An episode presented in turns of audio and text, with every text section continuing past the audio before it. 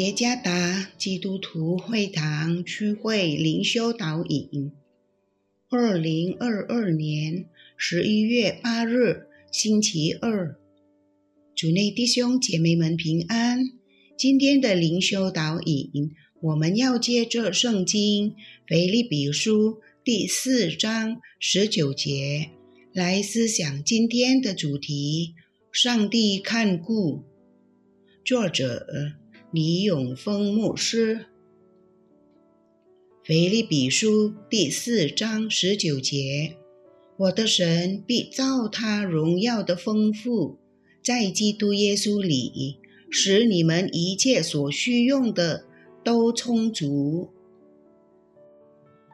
戴德生曾经说过：“如果在上帝的工作上，我们是按照他的旨意，而且……”是为神的荣耀而做，那么上帝必会供应我们所需要的。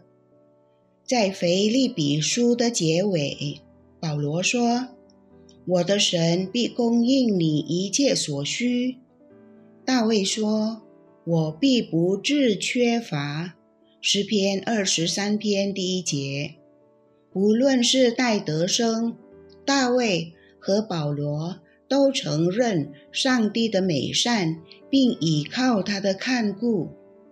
我承认我在教会全职服侍的二十四年中，上帝一直都看顾我，供应我的需要。你是否在侍奉生涯中有遇到困难？有许多困难是我们必须要经历的，但在这些困难的背后，神为我们预备了很多恩典和祝福。上帝是创造万物的主，他必要看顾他所创造的。第一，万物的生长有序的运行。都是神在不断的维持、保护和看顾中。第二，在人与神配合的事上，是神的主权，以他的能力感动人心，去遵行他的旨意。第三，在保护维持方面，他统治并安排一切。以实现对选民的救赎应许。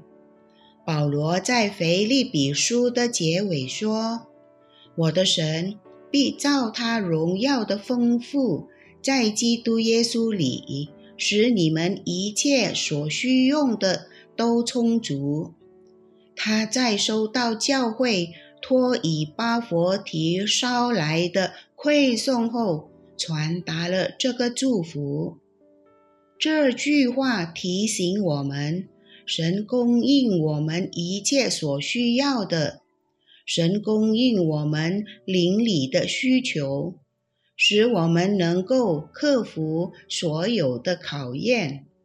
他也供应我们暂时的需求，如经济上、工作上、健康上和身体上的需要。上帝维护中的能力是绝对的，他一直给我们力量和能力，让我们完成生活的职责。然而，一些职责有时很难去执行。然而，要相信上帝能够看顾和保护我们，他从不沉默。神为爱他的人所预备的一切都是美好的。但愿我们今天在生活中所面对的困难，可以让我们更认识他，并依靠他。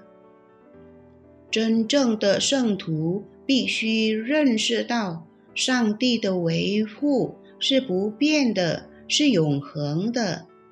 主耶稣赐福。